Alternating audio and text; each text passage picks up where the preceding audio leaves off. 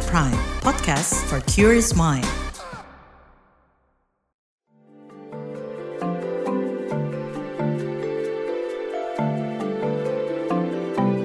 Saga, cerita tentang nama, peristiwa, dan fakta.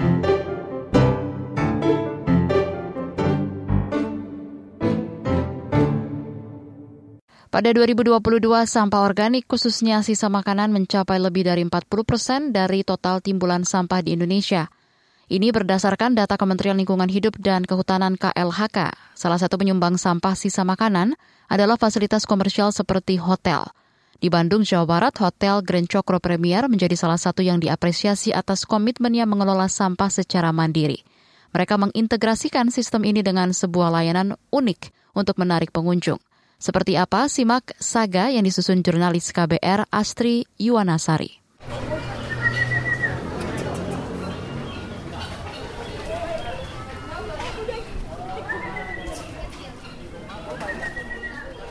Saya sedang berada di sebuah tamanan asri dengan aneka tanaman sayur dan bunga.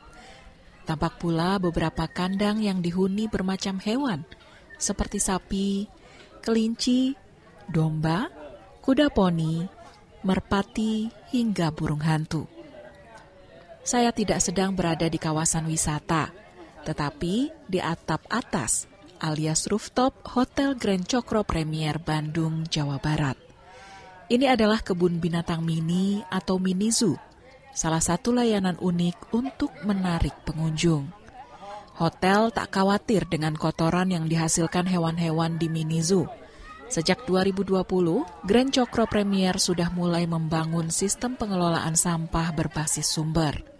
Saya 2020 masuk ke sini, salah satu yang diminta dari manajemen itu adalah untuk pengelolaan sampah ini. Sahmat, Residen Manajer Hotel Grand Cokro Premier Bandung menjelaskan seluruh sampah organik mereka olah sendiri. Kotoran hewan dari mini zoo dijadikan pupuk kompos untuk menyuburkan tanaman. Sedangkan sampah makanan diurai dengan memanfaatkan maggot, sejenis larva.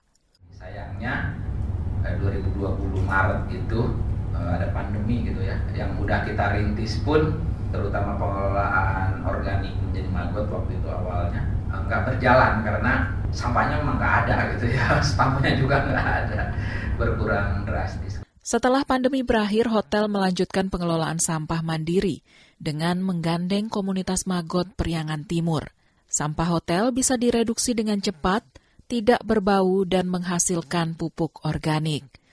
Larva maggot bisa pula dimanfaatkan untuk pakan hewan di mini zoo untuk melakukan satu kerjasama karena kalau dibilang pengelolaan sampah ini tim kami di hotel ini jujur tidak ada yang ekspor gitu ya tidak ada yang tahu bagaimana maggot dan lain-lain waktu itu belum ada gambaran uh, makanya dengan kerjasama itu dimulailah uh, bertahap Maggot-maggotnya pun mendapat makanan bernutrisi, sehingga lebih menguntungkan untuk dijual kata Kang Dadi dari komunitas Magot Priangan Timur.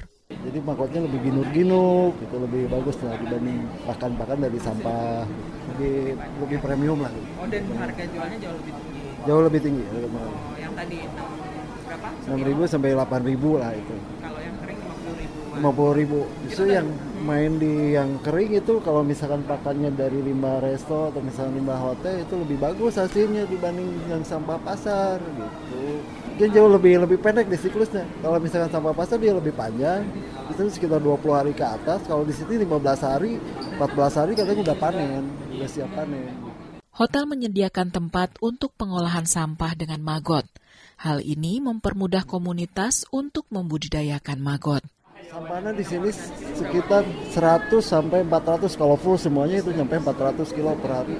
Ini tuh 25 sampai 30 per bak itu satu hari ini jadi satu ember full satu ember ini itu udah masuk semua itu nanti dari siang sampai malam dia tapi ngasih makan ini biasanya pagi sama sore sore sebelum pulang kita kasih makan dulu semuanya jadi enam tong itu semua Sahmat mengatakan setiap hari hotel menghasilkan 460 kg sampah. 90 persen di antaranya adalah sampah organik yang sudah mampu dikelola sendiri. Sedangkan untuk sampah anorganik biasanya akan dipilah dan dijual setiap dua kali sepekan. Sampah plastik bisa didaur ulang dengan teknik ekobrik, menghasilkan bata plastik untuk dinding atau fondasi bangunan. Yang kedua kami juga sudah membuat ekobrik, walaupun ekobriknya belum kami bentuk menjadi apa-apa, baru kami kumpulkan. Ekobrik ini eh, lebih ke masukan dari Eh, banyak pihak di luar karena sebenarnya sebelumnya kami tidak tahu apa itu ekobrik. Karena di tiap hari ini kan si sampah-sampah botol ini selain kami lepasin labelnya, kami pisahin tutupnya, kemudian label-labelnya inilah yang kami uh, kumpulkan beserta plastik-plastik yang lain untuk kami jadikan ekobrik. Hotel Grand Cokro Premier adalah salah satu dari tujuh puluhan fasilitas komersial yang didampingi Dinas Lingkungan Hidup DLH Kota Bandung. Selain hotel, restoran, mal hingga perkantoran juga didorong untuk mengolah sampah sendiri. Pendamping di DLH Kota Bandung, Acil. Kalau teman-teman komersil mah tadi ada kemauan, dia menyiapkan SDM-nya, prasarana sudah disiapkan, insya Allah lah.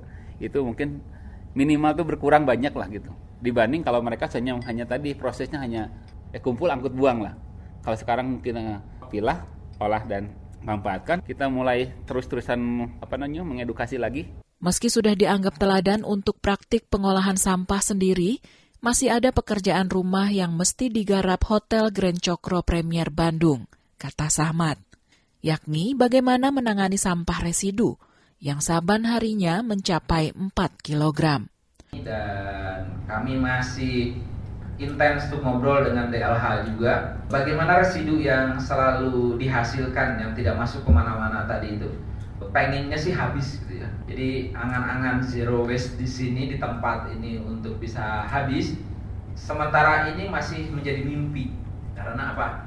Uh, satu keinginan besar uh, pengennya benar-benar habis. Tetapi uh, faktanya memang saat ini masih kami buang. Demikian Saga KBR, saya Astri Yuwanasari.